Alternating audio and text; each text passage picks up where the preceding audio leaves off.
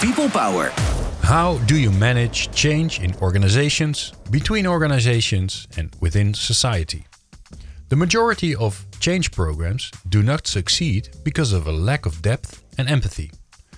This is the vision of Otto Scharmer, professor at MIT and founder of Theory U, a philosophy and methodology for change. In most systems today, we collectively create results that nobody wants, right? We destroy the earth, we uh, have polarization in our societies, we have uh, increasing level of, um, you know, um, depression and uh, anxiety. So those are things uh, that uh, are, those are symptoms that speak to um, an old way of operating of uh, our larger social field, and how to um, begin to see that together and to change it. That's uh, that requires a social methodology, and that's kind of what I'm working on. People Power host Pieter Jan de Bree spoke with Otto Scharmer after his talk at the School of Life in Amsterdam. Saturday evening.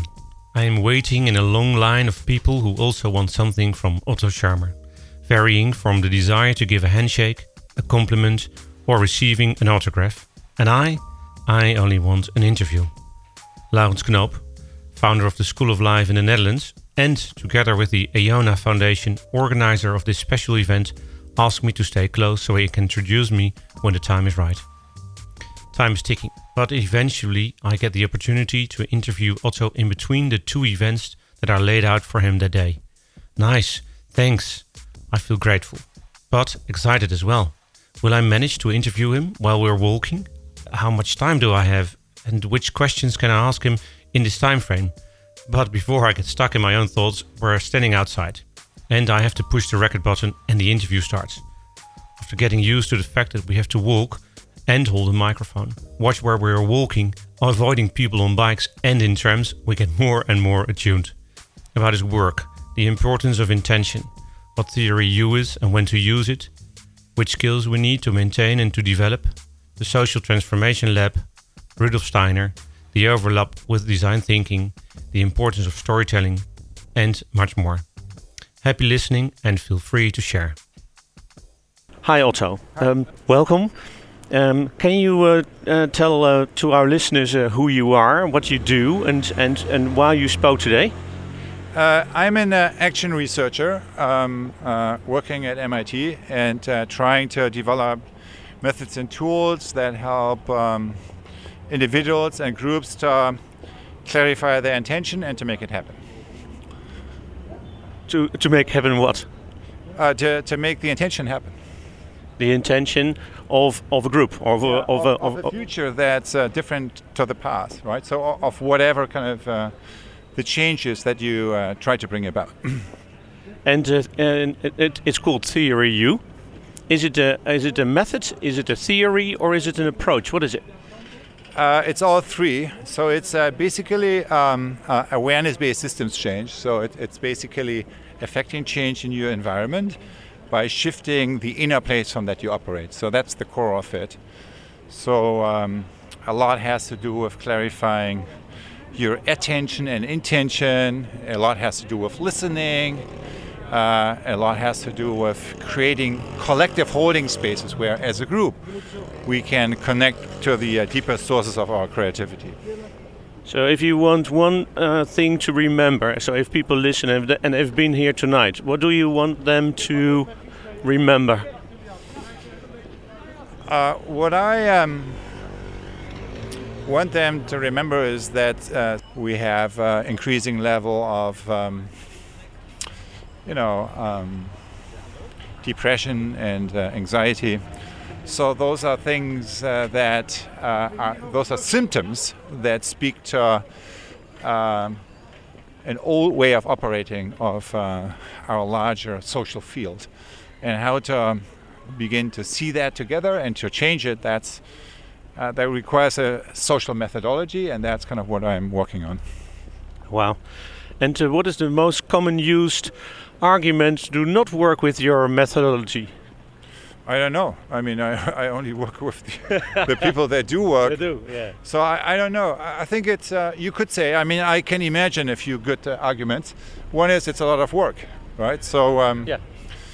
that's, um, and I'm not saying that whatever the problem is, use this method. That's, that's not what I'm saying. But what I am saying is that if you deal with a situation of disruption, then um, you need to, a method that puts you not only on an outer journey but also on an inner journey because kind of the knowing of the future is in part what we find outside of ourselves and in part it's something that we can find within ourselves but for that we need to deepen our listening and that's why this new methodology is um, is required So if you look at um, what what what skills do we need to develop? Well, I mean, one is that we already talked about is uh, listening. Uh, then I would say uh, not only listening, but deep listening, right? So listening with your mind and heart wide open.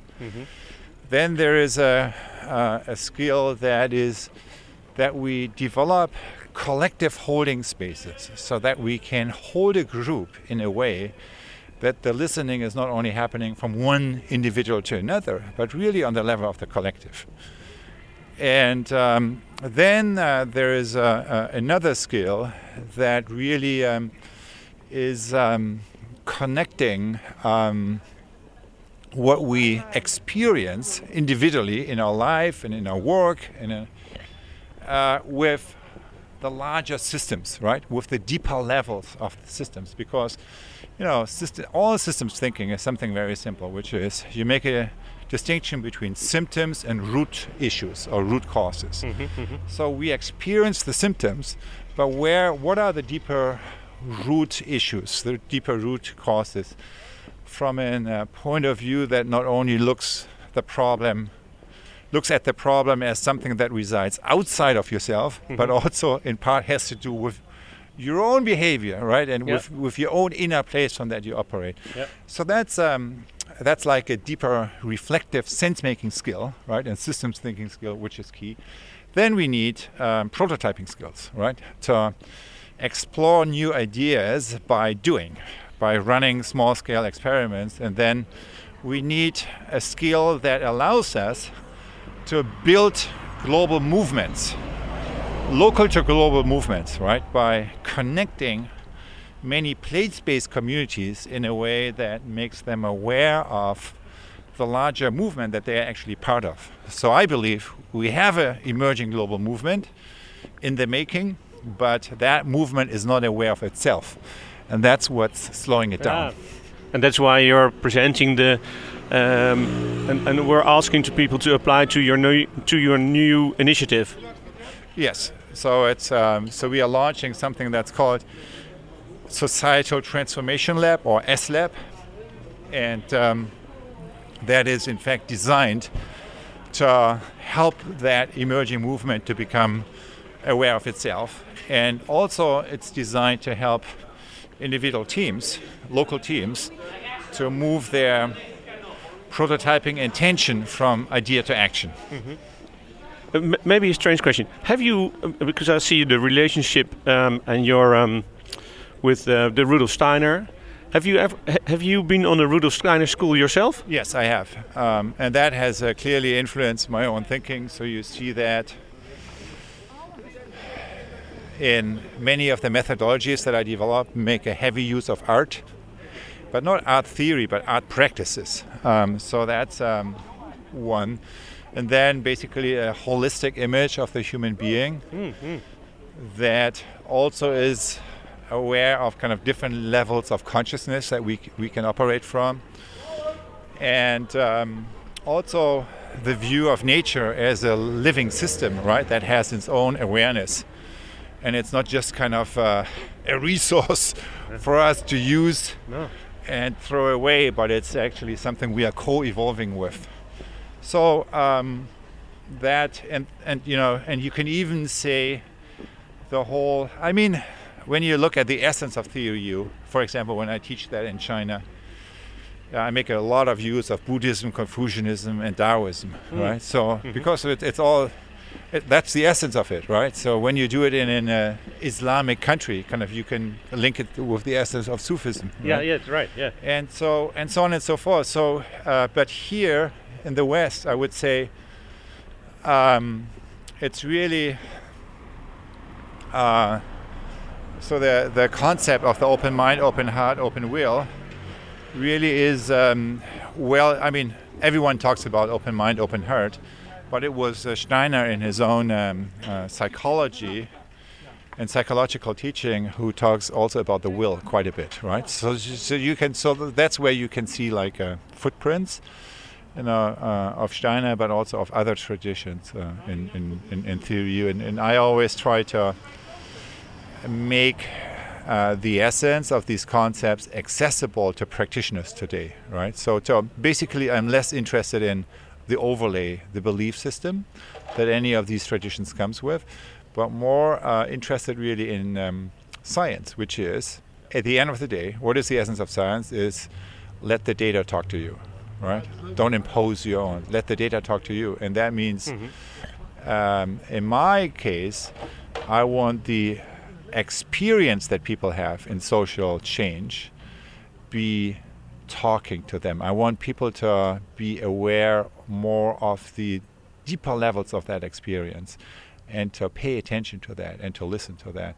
Because I believe when we do that, uh, that is actually um, uh, gives us access to sources of collective creativity that, if used, can uh, address many of the core challenges that we face as a community. Thank you very much. And the last question for our younger listeners is uh, basically y- you, you in your book you describe uh, the fact that you want uh, that it's good to reduce the screen time. Yeah. You make a, a, a distinction between this. Why is it so important to to have less screen time? Uh, do I? Well, I'm not sure. Um, I'm not sure whether I just said that. I, I think it's a little bit more uh, complicated. So let me give two answers. Um, so one is the old and the new digital divide. Right. The old digital divide is people, uh, uh, kids of poor. Um, socially disadvantaged families uh, having no access to the internet. The new digital divide is the opposite, right? which is kids having too much access, unrestricted access, while more privileged children have parents who understand that unrestricted access to a screen is actually a very bad thing for developing your own creative capacities. So that's, uh, I think that distinction between the old and the new digital divide is just interesting. And kind of the example is that the New York Times gives uh, in a recent article is the Waldorf School in Silicon Valley, right? Exactly. Where um, now, which is where tech uh, executives um, put their children, and you know, uh, you know, Steve jo- even even Steve Jobs, uh, you know, didn't give the iPad to his own uh, No. kids, right? No, so uh, for a long time, so so that we you can see it there. But what I really mean is not like how many hours screen time. What I mean is, for me, there is a distinction. So I'm um, when I use the screen to create, to write, or to uh, you know, to, to for in a, in a creative process, it's less a problem. When I use the screen for something that puts me into a passive consuming, Consuming, yeah. uh, uh, situation, that's a problem because it is like a, a noise level that um, easily distracts me from the boredom, which is the source of uh, starting, maybe when we are lucky, a real creative process. Thank you very much. The last question is because I see some similarities between design thinking and the U theory. How come?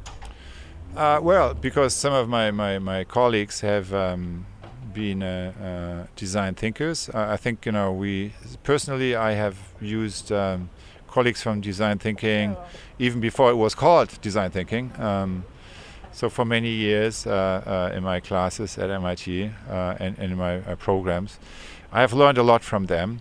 I would also say that you know with Theory U we, we add something to it, which is kind of the whole uh, level four, you could say, and the whole more uh, social dimension, right? The awareness-based systems change, which is often implicit.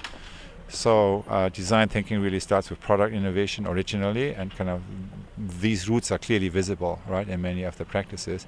And in fact, you had like um, uh, uh, a debate, a clash in the um, uh, design thinking community how much actually um, to make explicit kind of from the deeper process because what the official design thinking process is and what the real design thinker is doing those are two different things. And so that's also uh, an interesting detail that uh, there is like the um, formalized design thinking process and that's what the most advanced uh, on the one hand and what the most advanced practitioners do on the other hand which is a much more free process right? So where these methods and tools are more a palette that you draw from. Mm. like and you're more like a an artist really kind of using that as tools but not being restricted by it. And so that moves it more in the direction also of uh, theory u so there's a big overlap but also some differences. That's all i'm saying. Thank you very much for your time in this interview. All right. Thank you very much. That's otto scharmer professor at mit and founder of theory u if you're interested in Theory U, you can of course buy Otto Scharmer's book, Theory U, or visit theoryu.com and check his TEDx talk. Just Google Otto Scharmer TED. Thank you for listening to the People Power podcast. People Power